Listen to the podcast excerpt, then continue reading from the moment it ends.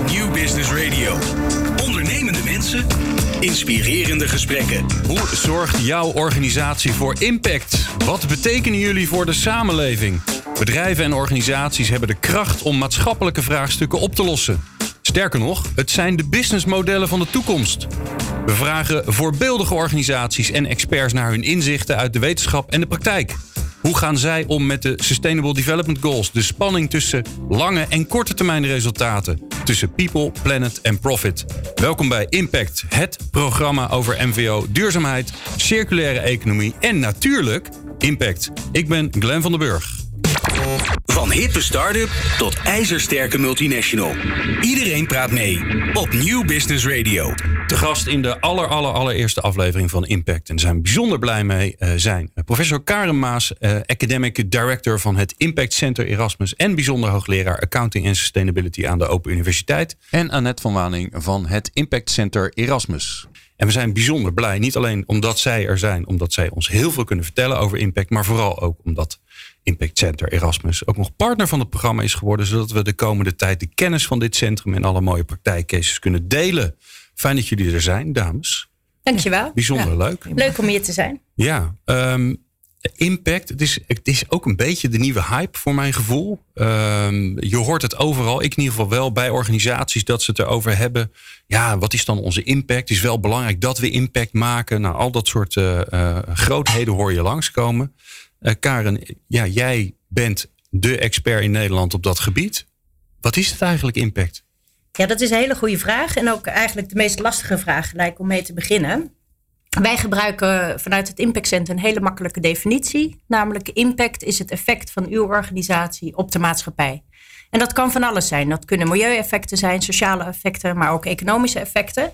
En het idee is dat je het wat uh, verder trekt dan alleen maar in kaart te brengen wat jij doet. Maar je ook afvraagt van ja, wat is daar het effect nou van? Het effect voor de mensen waar we het voor doen. Dus misschien heb je een hele specifieke doelgroep. Of het effect ook op mensen die je eigenlijk helemaal niet had willen bereiken. Het, want een impact kan positief en negatief zijn. Oké. Okay. Ja, want eh, impact klinkt. In mijn hoofd ga ik altijd gelijk uit van het positief, maar het hoeft natuurlijk helemaal niet zo te zijn. Nee, je nee. kunt ook een hele vervelende impact hebben. Ja, precies. Als je bijvoorbeeld sigarettenfabrikant bent of. Ja, snoepjesfabriek. Ja, ja. Olie. Ja. Producent. Willen, willen die het eigenlijk ook weten? Nou, steeds meer. En uh, niet altijd vanuit een, uh, een, hele positieve, intrinsieke motivatie. Maar ook omdat ze daar steeds vaker op bevraagd worden. Van hey, realiseer je wat je impact is en wat je eigenlijk uh, voor positiefs of negatief teweeg brengt in de maatschappij. Maar ook, ja, ga je dat verbeteren? En wil je dat verbeteren? En kun je daar niet eens een keer wat aan doen?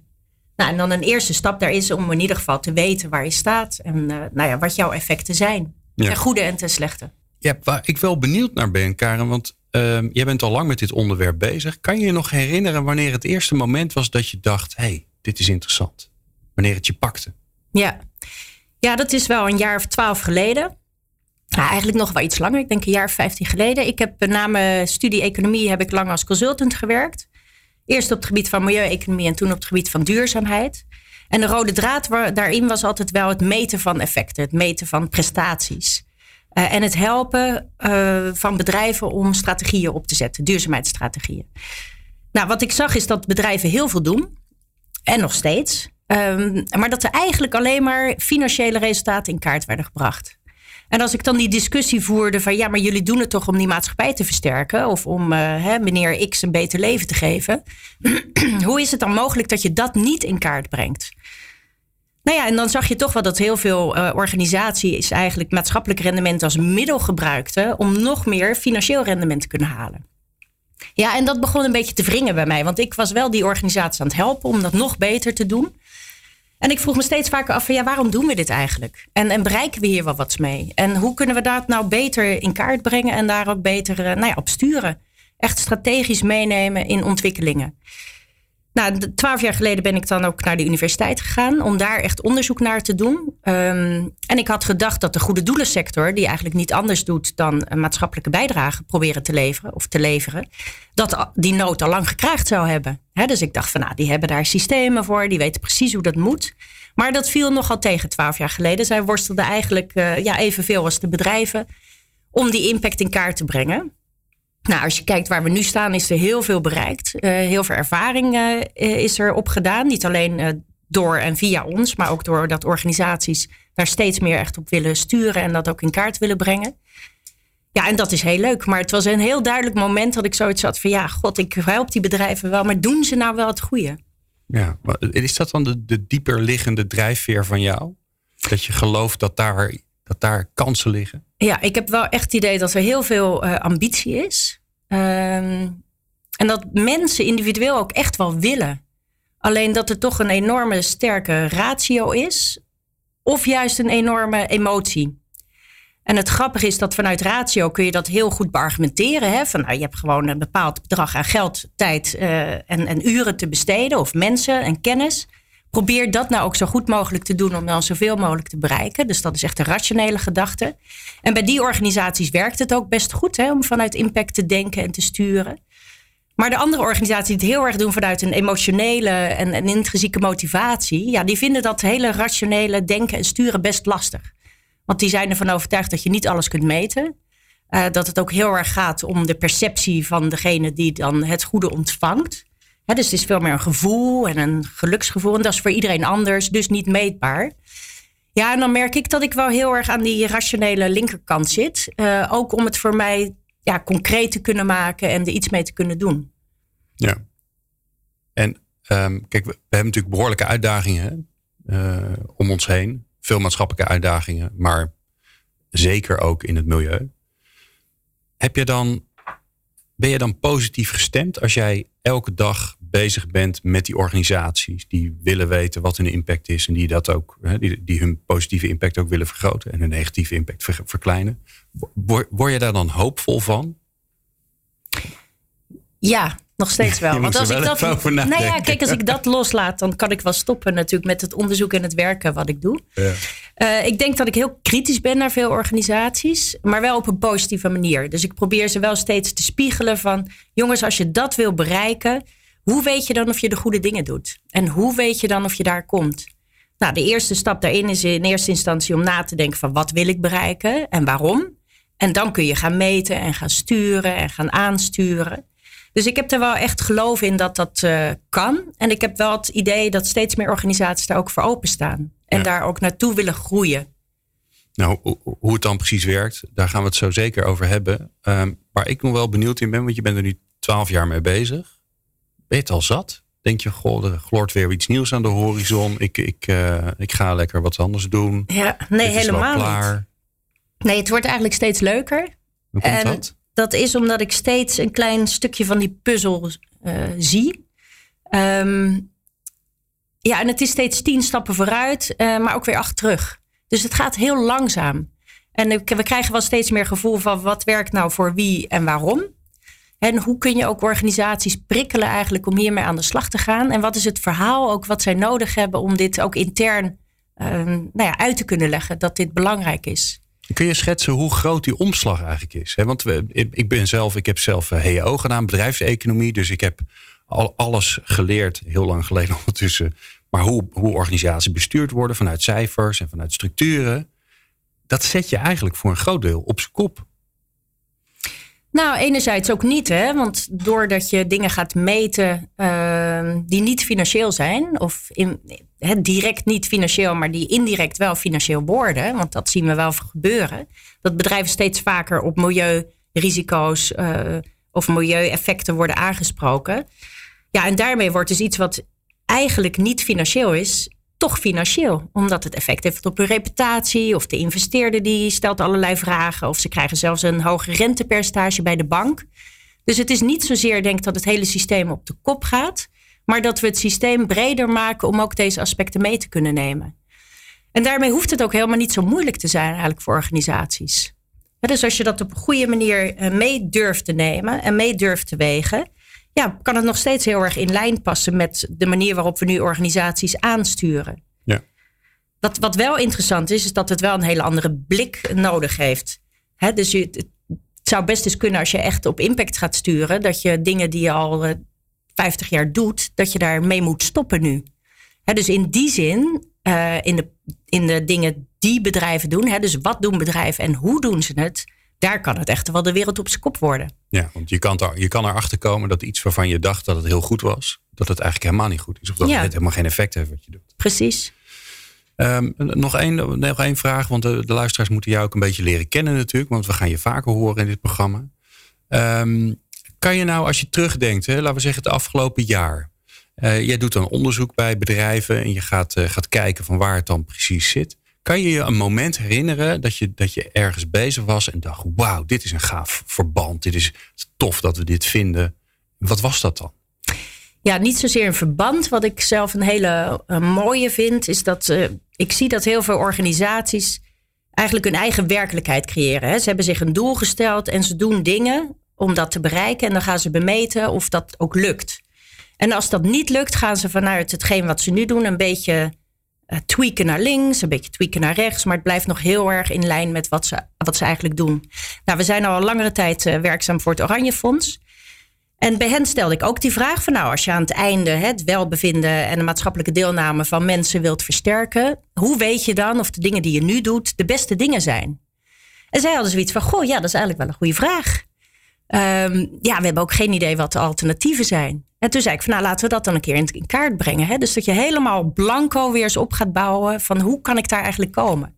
Nou, er zijn maar weinig organisaties die dat durven en die daar ook nou ja, oren naar hebben. Dus dat was wel zo'n moment voor mij dat ik dacht van, oh ja, god, langzamerhand komen we daar echt dat organisaties hier, nou ja, oren naar hebben en dat ook durven te doen. Ja. Het lijkt me een heel eh, kwetsbaar proces ook, omdat je echt alles blootlegt.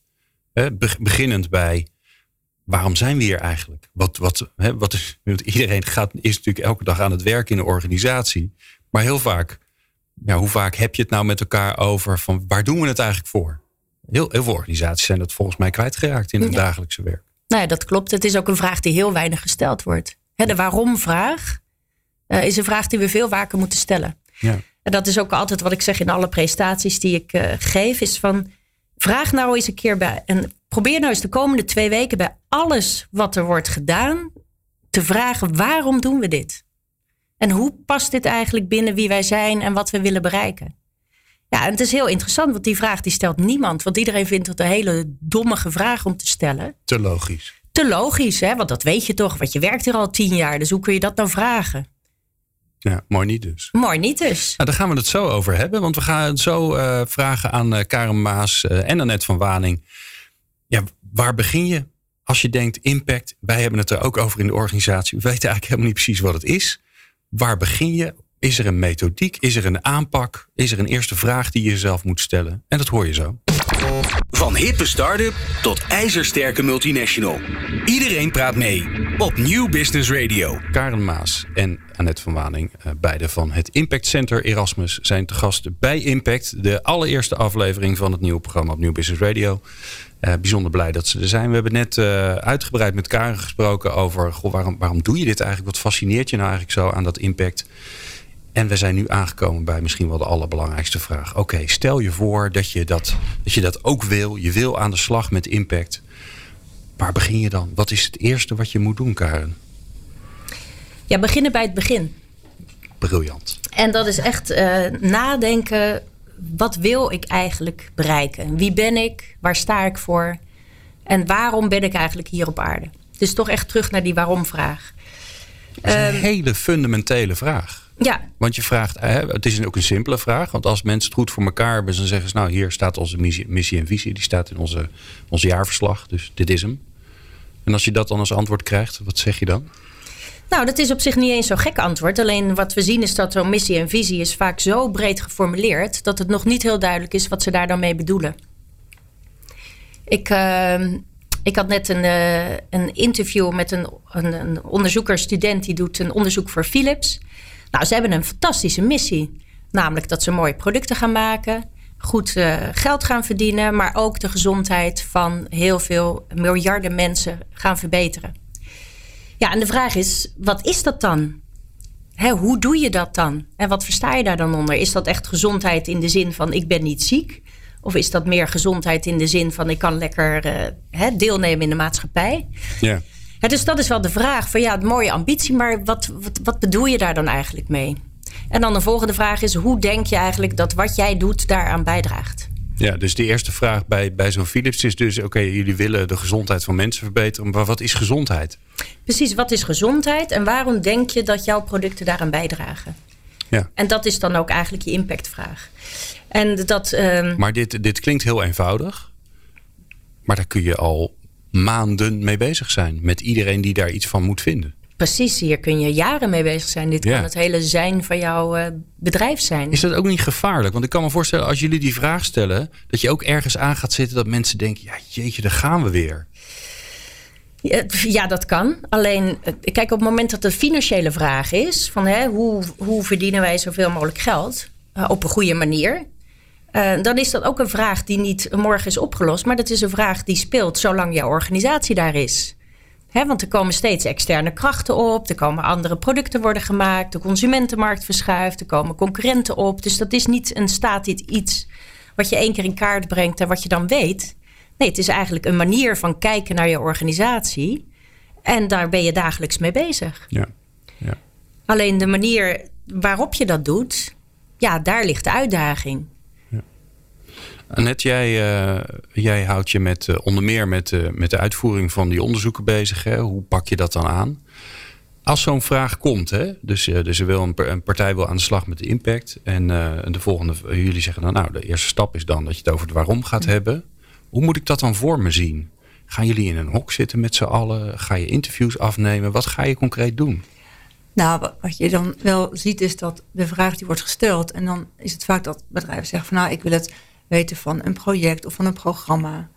Maar als je dan met ze in gesprek gaat, dan ehm, zie je wel dat, dat we vooral veel meer kijken naar van waarom wil je het dan als organisatie? En waar zit het als organisatie? Want op het moment dat je maar een onderdeeltje daarvan uitpakt, ja, dan ehm, heb je het eigenlijk niet helemaal te pakken. Ja, op een klein onderdeel. Maar het is natuurlijk veel interessanter wat je als organisatie in het grote geheel kan en wil bijdragen. is het en een soort. Mikado? Als iemand als ze zeggen, nou wil je het onderzoeken voor een project en trek je dan ergens aan en dan uiteindelijk kom je toch alles, Nou ja, kom je, toch in alles. Je kunt er zeker beginnen. eh, maar uiteindelijk kijken we ook wel, proberen we ze wel uit te dagen om ook naar het, het grotere geheel te kijken. Hè? Van eh, inderdaad, hè, waarom, waarom doe je het? Vanuit welke strategische overtuiging doe je het? Hm. Ehm, en wat je ook wel ziet, is dat inderdaad financiële vragen, die zijn, ben je gewend om te denken in cijfers.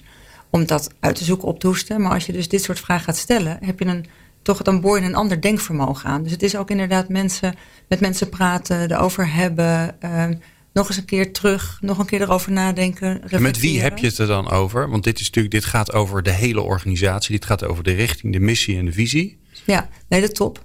Ja. Het is echt wel de toon at de top die, eh, die de gedachte ehm, moet eh, willen, het accepteren, die ook bereid moeten zijn om het vanuit strategie op te pakken. Want daaruit heb je echt het draagvlak nodig om dit soort essentiële vragen te gaan behandelen en te stellen. En juist omdat het, het is echt een reis die je met elkaar gaat maken. Het is ook niet klaar dat je zegt van oké, we willen het binnen nu en een jaar weten. Nee, het is echt een reis die je gaat maken. En die uiteindelijk ook in alle dingen die je doet naar voren zal moeten komen.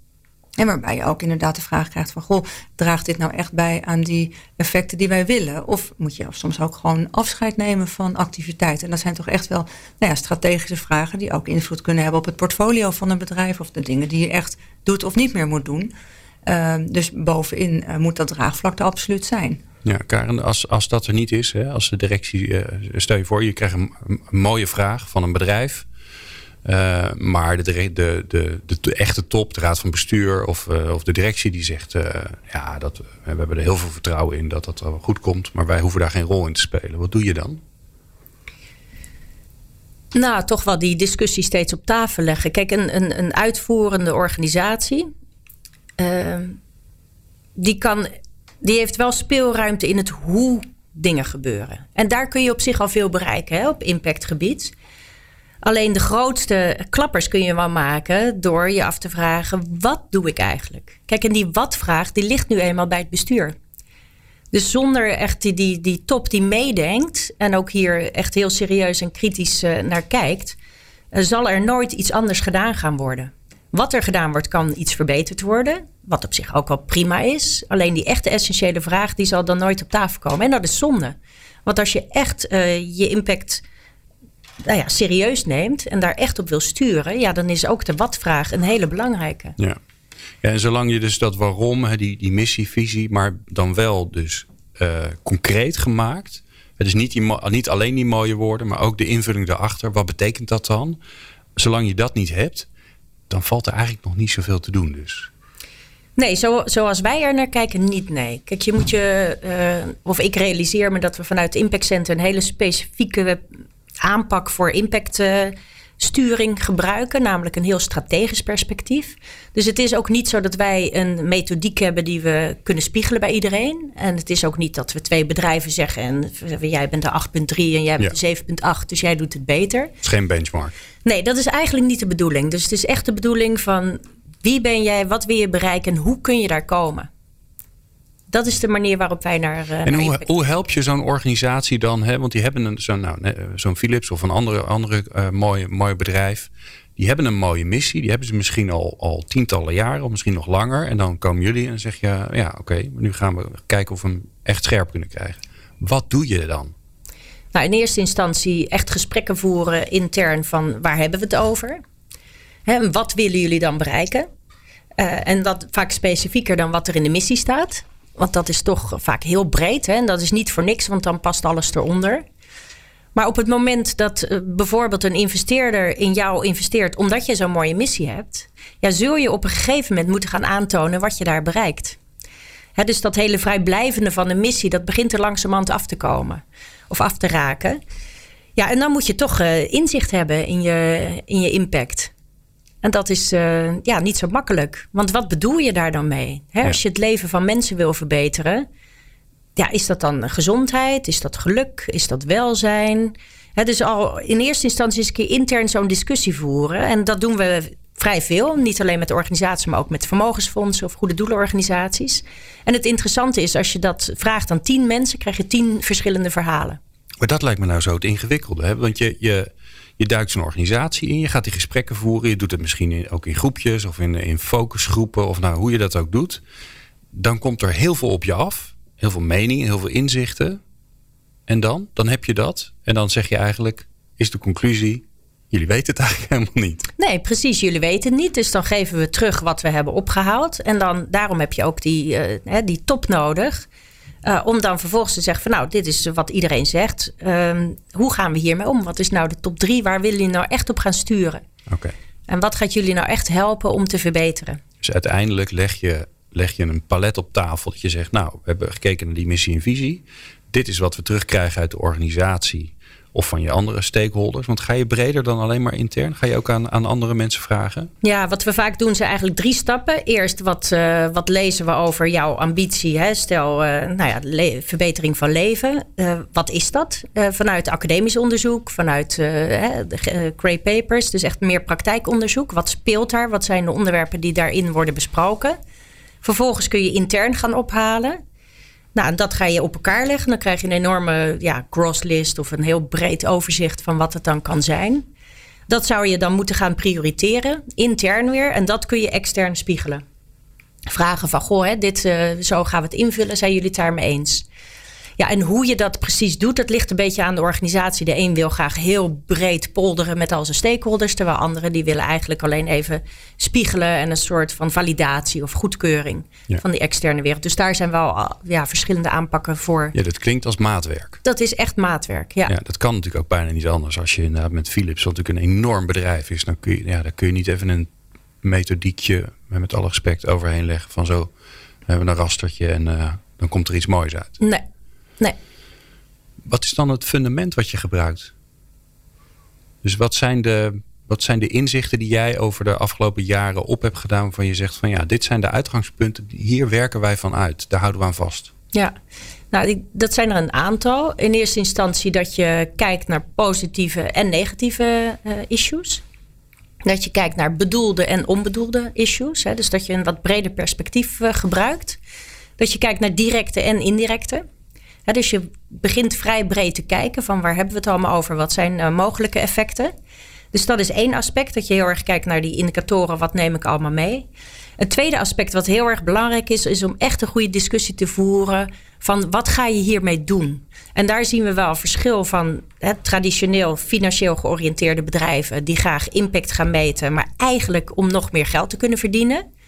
Zonder daar normatief orde over te hebben. Want dat kan wellicht veel meer betekenen dan een, een goed doelenorganisatie die eigenlijk alleen op impact stuurt. dus daar heb ik op zich geen oordeel over. Maar het is wel heel belangrijk om je te realiseren van als jouw bedrijf helemaal geregeld, gestuurd uh, is vanuit finance. Dan nog steeds kan je impactperspectief heel belangrijk zijn. Alleen dat zul je niet zo serieus nemen dat je dat helemaal uh, tot in een pluizen moet uitgaan uh, gaan zoeken. Mm maar ben jij een goede doelenorganisatie die eigenlijk maar één missie heeft, en dat is namelijk positieve impact bereiken? En de financiële stand van zaken doet er eigenlijk niet zoveel toe, behalve dan dat je zo voldoende geld moet hebben om te kunnen doen wat je wil doen. Ja, en je wil dan je impact aantonen. Ja, dan moet je dat echt wel heel hard maken. Want dat is het zijn van jouw organisatie. En dat is een beetje hetzelfde als dat je tegen een financieel gedreven bedrijf zegt: van ja, je hoeft je, je financiële prestatie niet te meten hoor. Want het voelt hartstikke goed. Ja. ja. Maar, en dat is wel wat goede doelen soms wel doen. Dus ja. je zegt van ja, je wil impact, maar ja, eigenlijk hoef je het niet te meten, want ik weet toch wel dat ik het goede doe. Ja, ja en als, zolang het financieel is, vinden we dat heel raar. Hè? Dan ga je er inderdaad om lachen. Denk je van, nou, belachelijk. En als het uh, maatschappelijke impact is, dan is dat best wel oké. Want we hebben er best wel een gevoel bij. Ja, dat is best wel raar, toch? Ik bedoel, waarom wordt dat niet even serieus genomen um, als het meten van financieel rendement? Ja. Nou ja, en, en überhaupt vreemd eigenlijk dat, uh, dat, als, ja, dat, dat, dat hier niet al veel meer. er wordt natuurlijk in de politiek natuurlijk ongetwijfeld veel onderzoek gedaan naar de effect van allerlei beleid en zo. Ook daar vind jij ongetwijfeld wat van hoe gedegen dat eigenlijk is. Ik zit je nu aan te kijken. Je kijkt wel een beetje bedenkelijk. Ja, ja, ja. ja. Nou ja, er, wordt... er wordt zoveel onderzocht. Hè? Ik denk dat politie hebben, politie hebben altijd, uh, altijd drie opties. Hè? Of ze maken een wet, of ze doen onderzoek, of ze geven subsidie. En dat is het dan wel eens een beetje. Uh, ja, al die subsidie en die wetten. Ja, leidt het nou echt tot iets positiefs? Ja. En hebben ze überhaupt scherp, scherp wat ze willen bereiken? Nou ja, precies. We hebben al in... Uh God, wanneer was dat? 1997 uh, een heel groot onderzoek gedaan naar milieuschadelijke subsidies. Maar ja, daar zie je altijd de afweging van ja, het is schadelijk voor het milieu, maar goed voor sociaal-economisch, namelijk het levert banen op. nu zie je ook die discussie rondom Schiphol, maar ook rondom Tata, rondom Shell. Van ja, als die bedrijven weggaan, dan verliezen we zoveel banen. Ja. Ja, en dat is nu eenmaal zo. Hè? Dus dan zul je een afweging moeten maken van uh, kunnen we dat dragen? Hebben we dat ervoor over? Is dat de weg die we moeten gaan? En daar is geen uh, eenduidig antwoord op. Dus daarom zul je ook steeds weer bij het begin moeten beginnen. Van wat wil je bereiken? Waar sta jij voor? En van daaruit kun je wel veel beter zo'n beslissing uh, onderbouwen. En een afweging maken. Praten zo verder met uh, Karen Maas en uh, Net van Waning van uh, Impact Center Erasmus. En we gaan zo eerst naar de allereerste Impact Update met interessant nieuws uit de duurzaamheidswereld door Volkert van der Molen, de oprichter van duurzaam-ondernemen.nl. Vergeet dat streepje niet, want anders kom je er niet terecht. Het online kenniscentrum voor duurzaam of maatschappelijk verantwoord ondernemen. En dat hoor je zo. Dit is New Business Radio. Ondernemende mensen, inspirerende gesprekken. Elke maand verzorgt Volkert van der Molen de Impact Update. Volkert is eh, oprichter van het online kenniscentrum Duurzaam Ondernemen. En dat vind je op duurzaam-ondernemen.nl. Volkert, wat leuk dat je er bent. Ja, zeker. Leuk om dit uh, zo eens te doen. Ja, Volkert, uh, ja, op duurzaam ondernemen, daar, daar komt een ongelofelijke hoeveelheid aan uh, kennis en nieuws over duurzaamheid, MVO, ehm, circulair, nou noem maar op. Alle onderwerpen die ermee te maken hebben, die komt langs. Wat is jou opgevallen de afgelopen weken? Nou, wat ik heel opvallend vind, dat uh, veel uh, bedrijven inspelen op de toenemende vraag naar duurzaamheid in producten. Uh, dat kan ook vegetarisch of biologisch zijn. Nou, heel opvallend was het nieuws van HEMA dat ze met de alle oude bekende rookworst komen in een vegetarische variant. Oké. En ook de tompoes wordt aangepakt. Het blijft ook wel in zijn huidige vorm bestaan, maar er komt ook een vega variant. Nou, Joma komt zo ineens met uh, een vega salade. Unilever met vega ijsjes. Uh, zo even wat uh, greep uit wat productnieuws. Maar dat is heel opvallend. Ja, ongelooflijk hè? En dan zelfs ja. het, het, instituut de Hema rookworst. Zeker, zeker. Ja. Ze waren al volop bezig met verduurzaming. Maar nu ook met deze producten, dat is wel, wel een hele stap, denk ik, ja. Ja, en, en, wat denk jij? Eh, is, eh, zou dat dan, is dat dan de markt die daar gewoon om vraagt? Hè? Dus het is domweg marktwerking of zit daar toch ook een, ja, een, een hoger doel, uh, een beetje het redden van de aarde erachter? Dat hoop ik wel. Dat is natuurlijk niet altijd te zeggen. Maar, uh, maar de toenemende vraag is, is, is zeker ook een, een ding. Ja, Ja. Dat, uh, dat zie je ook um, in de sfeer van verpakkingen. En het terugbrengen van plastic afval. Waar nu volop op ingespeeld wordt door verpakkingsproducenten, door retailers. Bijvoorbeeld Albert Heijn, die nu een proef doet met onverpakt groente en fruit in de schappen. En bol.com die heeft besloten om 3,5 miljoen artikelen niet meer in een grote doos met opvulmateriaal te verzenden. Maar gewoon in een eenvoudige verzendzak. Ja, en veel minder lucht en te transporteren. Daar is de afgelopen tijd natuurlijk ook veel aandacht voor geweest. Hè? Voor, voor de grote hoeveelheid uh, verpakkingsmateriaal die er gebruikt wordt. Nou ja, ik, ik merk het zelf alleen al als ik boodschappen doe bij de Albert Heijn. Wat ik dan uiteindelijk uh, in, mijn, uh, in mijn plastic container moet weggooien. En, en, je ontkomt er eigenlijk ook niet aan. Hè? Dan moet je echt ergens anders boodschappen gaan doen. Wil je dat, wil je dat gaan verminderen? Ja, klopt. Er zijn wel uh, van die uh, herbruikbare zakken die je mee kunt nemen naar de supermarkt om zelf uh, een groente fruit in, in op te nemen. Maar ja, het zit al vaak in, in verpakkingsmateriaal. Dat haal je dat plaats er niet even uit. Dat, daar kunnen, kunnen, grote stappen gezet worden. En ja, daar zijn natuurlijk in het kader van de Plastic Pact ook recent afspraken over gemaakt. Dus hebben veel bedrijven hebben dat ondertekend. Heb je nou, het, heb je nou het idee, dat, maar... heb je nou het idee dat, dat bedrijven sneller tot actie overgaan? Want de, de, de, zeg maar, het, het reageren op nou, de aandacht die ervoor is, uh, dat mensen het irritant beginnen te vinden, dat het op het nieuws is. Uh, mensen die, uh, die karretjes vol met plastic afval achterlaten bij de supermarkt. En nu dat er nu al gereageerd wordt met van we gaan er wat aan doen. Ik heb toch het idee dat dat sneller gaat dan, nou ja, laten we zeggen, vijf of tien jaar geleden. Ja, dat kan ik wel uh, beamen. En dat geldt ook voor acties van NGO's, als een Natuur en Milieu, Milieudefensie en Greenpeace. Ook van Novib ook recent. Uh, ook die druk van, van deze actiegroepen levert ook snelle resultaten op, valt me op. Uh, bijvoorbeeld Oxfam Novib, die heeft een onderzoek gedaan naar supermarktketens en, en mensenrechten. En nadat Albert Heijn al een flinke toezegging daarin heeft gedaan, is nu ook Jumbo gevolgd. En uh, dat volgt elkaar steeds sneller op. Ja. En, uh, dat zie je inderdaad ook met verpakkingsmateriaal en uh, andere zaken. En natuurlijk ook een mooi voorbeeld is Shell. Shell is een die, mooi voorbeeld. Die twee woorden ja. en duurzaamheid, die hoor je toch niet heel vaak samenvallen? Wel steeds meer. ja, nee, dat, nu zijn ze natuurlijk bekend geworden met de stap die ze zetten om op klimaatneutraal tanken mogelijk te maken voor een centje extra, een eurocent extra per liter. Uh, worden okay. bomen aangeplant. En daarnaast zetten ze zelf ook nog uh, heel veel bomen in Nederland uh, samen met Staatsbosbeheer. Oké, okay, dus dan kun je klimaatneutraal tanken. Weet jij, ja, weet, je, hoe, hoe, weet jij hoe, hoe ze dat gaan doen? Dus, ze gaan het equivalent van 1 cent per liter investeren in bosaanplanten in een aantal tropische landen waar het, de bomen veel sneller groeien. En dan ook duurzaam bosbeheer plaatsvindt. Oké.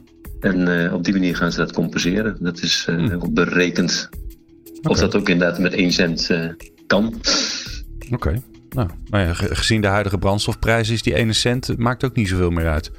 Nee, ik geloof dat het, als je het gemiddelde consument het hele jaar dat zou doen, dat het maar iets van 25 euro extra kost. Hmm. Op jaarbasis. Nou ja, dat is natuurlijk peanuts. Ja, ja.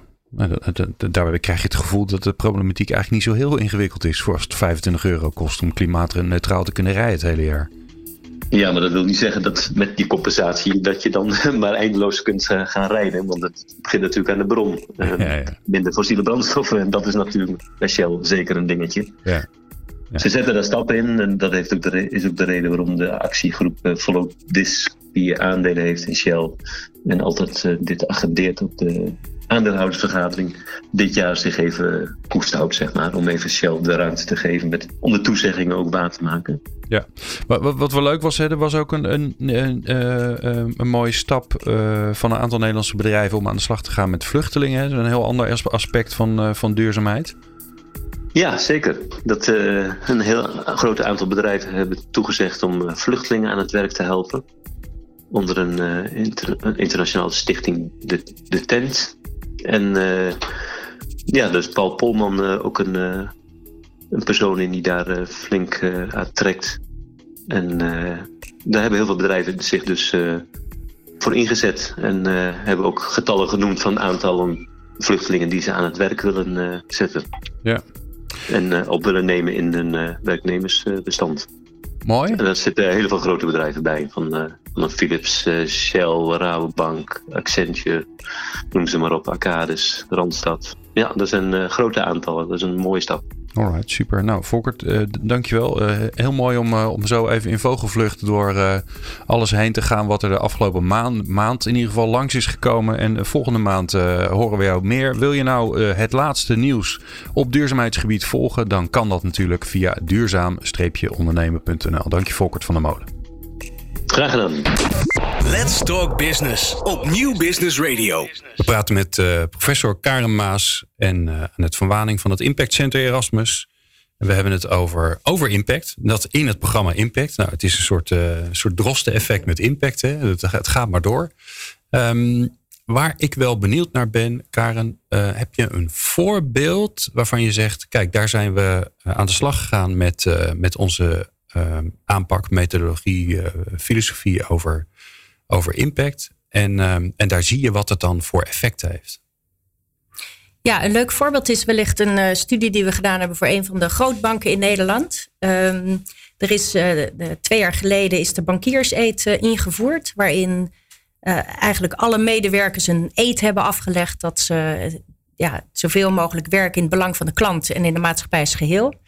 En de vraag uh, die wij stelden was niet zozeer van werkt dat nou wel of niet, maar veel meer van hoe kunnen we nou klanten of medewerkers meer uh, stimuleren om dat nog beter te doen. Hè? Dus hoe doen ze dat nu en kunnen we dat uh, ja, nudgen of laat maar zeggen stimuleren om anders vorm te geven. En ga je dan kijken of het ook tot gedrag leidt? Ja, dus we Want hebben leuk als je een eet afsluit, maar ja. Ja, dus de vraag was echt van leidt dat nou tot, tot ander gedrag en hoe kunnen we dat gedrag eigenlijk verbeteren, nog verder verbeteren?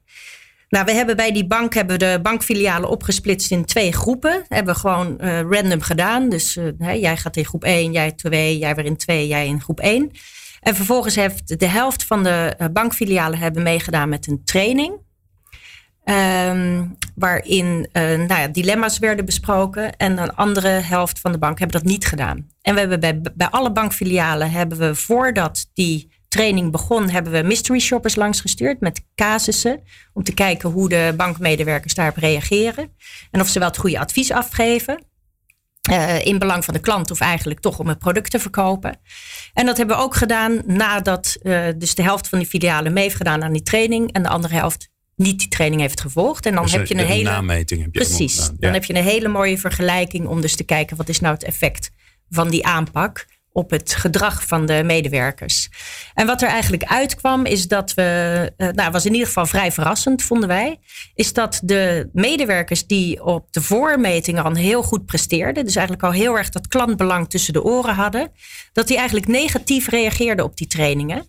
Terwijl de medewerkers die nou voordat ze deelnamen aan die trainingen uh, nog niet zo goed het klantbelang uh, nastreefden, een enorme verbeterslag zagen. En dat is wel interessant, want dat betekent in ieder geval dat op het moment dat je zo'n intern programma om je medewerkers te informeren of te stimuleren gaat vormgeven, dat je heel erg moet nadenken van wat voor soort medewerker uh, heb ik nu hier in huis? Hè? En wat is hun beginsituatie? En moeten die juist gestimuleerd worden of, of, of, um, of juist niet? Hè? Misschien moet je ze juist lekker hun gang laten doen, omdat ze heel erg het goede doen. Nou, dat was wel een hele mooie studie, hoe zo'n impactmeting echt tot praktische resultaten kan leiden. En zag je dan bij die medewerkers die, die eigenlijk het goede gedrag al lieten zien, dat ze minder van het goede gedrag, die waren een beetje geïrriteerd of zo eigenlijk? Van, ja, ja, nou ja, dat is natuurlijk van hoe, hoe leg je dat dan uit, hè? Inderdaad. Um, en er zijn een paar redenen. Eén kan zijn dat ze inderdaad zijn geïrriteerd. Um, doordat ze hier opeens over moeten praten en, en in groepen. Het kan ook zijn dat ze zich realiseerden dat anderen het dus helemaal niet zo nauw namen. En dat zij dachten van, oh nou ja, dan, uh, hè, waarom doe ik dan zo mijn best? Laat ik dan ook een beetje meer uh, producten gaan scoren. Ja, dus dat, er, er gebeurt van alles in het brein van de mens. Ja. Um, en dat zijn niet altijd de bedoelde uh, nou ja, reacties van mensen. Dus dat is heel goed om daar van tevoren goed over na te denken. Het mooie van het voorbeeld vind ik is dat dit weer een heel praktisch, relatief klein voorbeeld is. Waarbij je een, eigenlijk een interventie die je wil gaan doen, uh, kunt testen of dat eigenlijk wel werkt. Want ook daarvoor geldt natuurlijk de gemiddelde organisatieinterventie.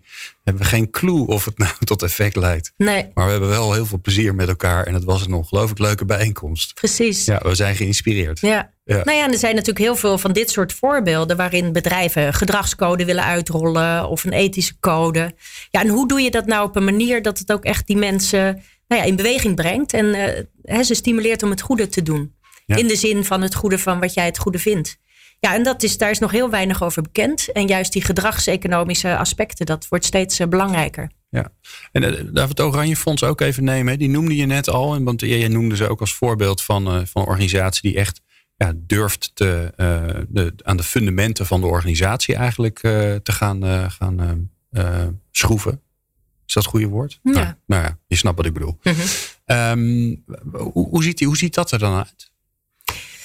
Nou, voor het Oranje Fonds hebben we ehm, een aantal programma's en projecten in kaart gebracht. Zij doen uh, verschillende dingen. Ze geven echt ondersteuning aan bijvoorbeeld uh, sociale initiatieven om te groeien en te bloeien en verder op te kunnen schalen. Uh, maar zij hebben ook ehm, het Nederland Doet en de Burendag. Nou, je kunt je voorstellen dat bij Nederland Doet en de Burendag dat het bereik enorm groot is, maar het effect waarschijnlijk op de medewerkers vrij klein is. Terwijl bij die intensieve programma's, daar is het bereik heel klein, maar het effect heel groot. Nou ja, en alleen al om dat eens in kaart te brengen, dan kun je daar veel nou ja, strategischer over nadenken. Van wat willen wij bereiken en wat past daar dan het beste bij? Misschien moeten we veel meer um, nou ja, moeite gaan stoppen in het opschalen van onze programma's. Om uiteindelijk heel veel effect te kunnen bereiken. Of zeg je juist van nou nee, laten we gewoon meer inzetten op die uh, eenvoudige programma's die een heel groot bereik hebben om in ieder geval mensen heel erg aan denken te zetten. Ondanks dat we weten dat het effect, uh, het directe effect heel klein is.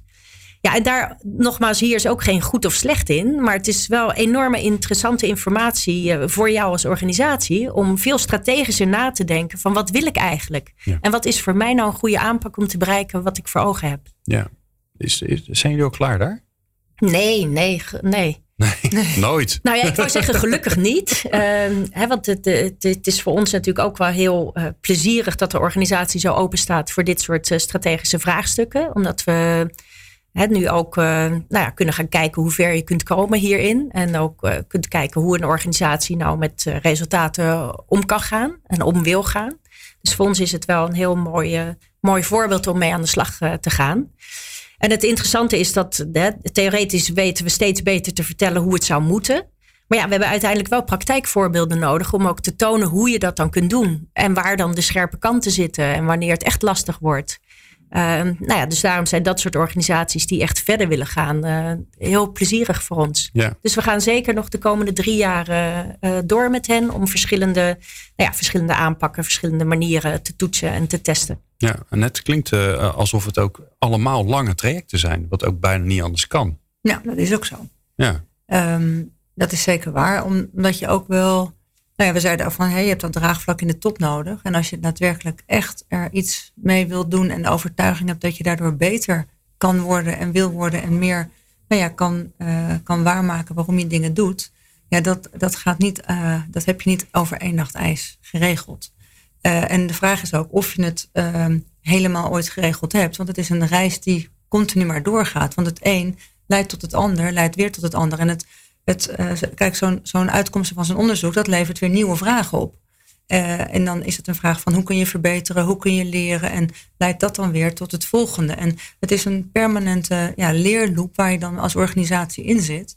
Um, en dat um, moet je ook wel realiseren aan de voorkant. Ben, ben je bereid om uh, dat proces ook in te gaan? En is het ook iets wat je door je hele organisatie continu meeneemt, omdat je het ook echt kan verbeteren en het kan je zoveel leren. En het is iets waar, uh, wat je integraal uh, moet aanpakken. Dus het is niet wat maar bij één iemand zit of zo, of regel jij dat? Nee, je moet ook echt wel met meer mensen daar mee aan de slag en draagvlak voor hebben. Ja. Nou, wij gaan er in ieder geval de komende maanden mooie uitzendingen over maken samen met jullie. Waar ik heel blij mee ben, want ik heb ook weer de mogelijkheid om fantastisch veel te leren hier in de uitzending. Um, Karen, als je nou, laatste vraag. Als je nou droomt hè, en je kijkt twintig jaar verder. iedereen doet ondertussen aan, aan, aan jouw gedachtegoed. Dus iedereen is bezig met impact, denkt goed na over wat ze willen bereiken, maar, en, en, meet het ook goed en, en stuurt daarop. Wat, wat verandert er? Ik denk dat we de wereld echt een beetje mooier kunnen maken.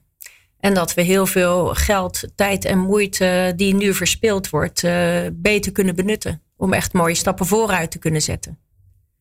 Ik zie dat heel veel bedrijven continu brandjes aan het blussen zijn, omdat ze heel reactief reageren op uh, externe vragen. En dat bedrijven zich heel erg richten op het minder slecht doen. Terwijl ja, waar we naartoe moeten, is eigenlijk om goed te gaan doen. Prachtig. Nou, daar gaan wij uh, mooie afleveringen over maken uh, hier bij Impact. Uh, dankjewel, Karen Maas en Annette van Waning van het Impact Center Erasmus. dat doen we overigens samen met jullie de komende maanden.